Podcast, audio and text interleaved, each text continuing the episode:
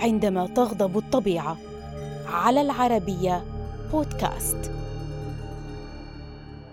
الأرض تهتز بعنف وصوت يهدر في سوق بومبي المزدحمة وقصور وحمامات هيركولينيوم الفاخرة. يصرخ الناس ويشيرون إلى بركان جبل فيزوف الذي فاق من سباته.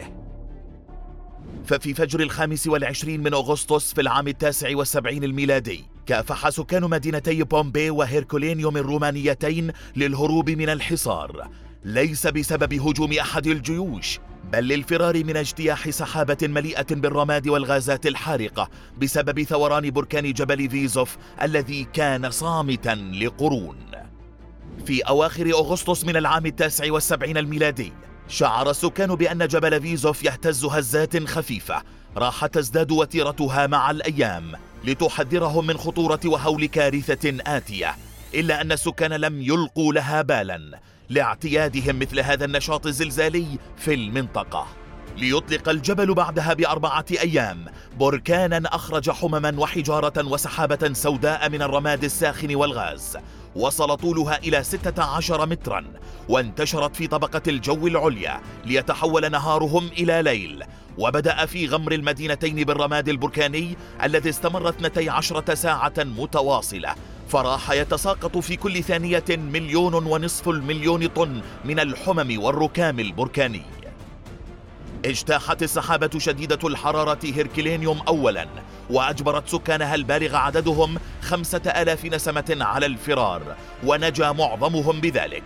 أما من بقي فدفن في فيضان من الطين والصخور البركانية التي دفنت المدينة كاملة.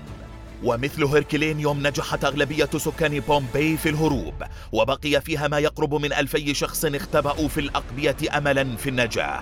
إلا أنهم قتلوا في صبيحة الخامس والعشرين من أغسطس بعدما غطت المدينة سحابة من الغاز السام والرماد البركاني بارتفاع وصل إلى سبعة أمتار.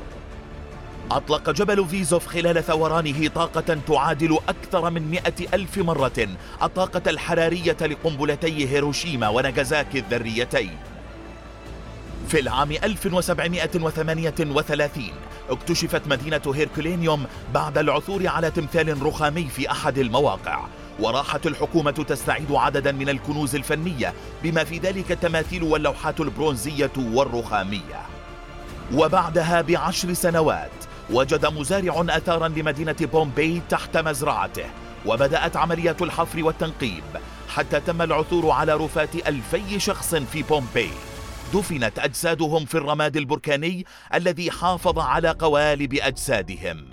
وكشف علماء الآثار تفاصيل الموت المرعب الذي حل بضحايا فيزوف.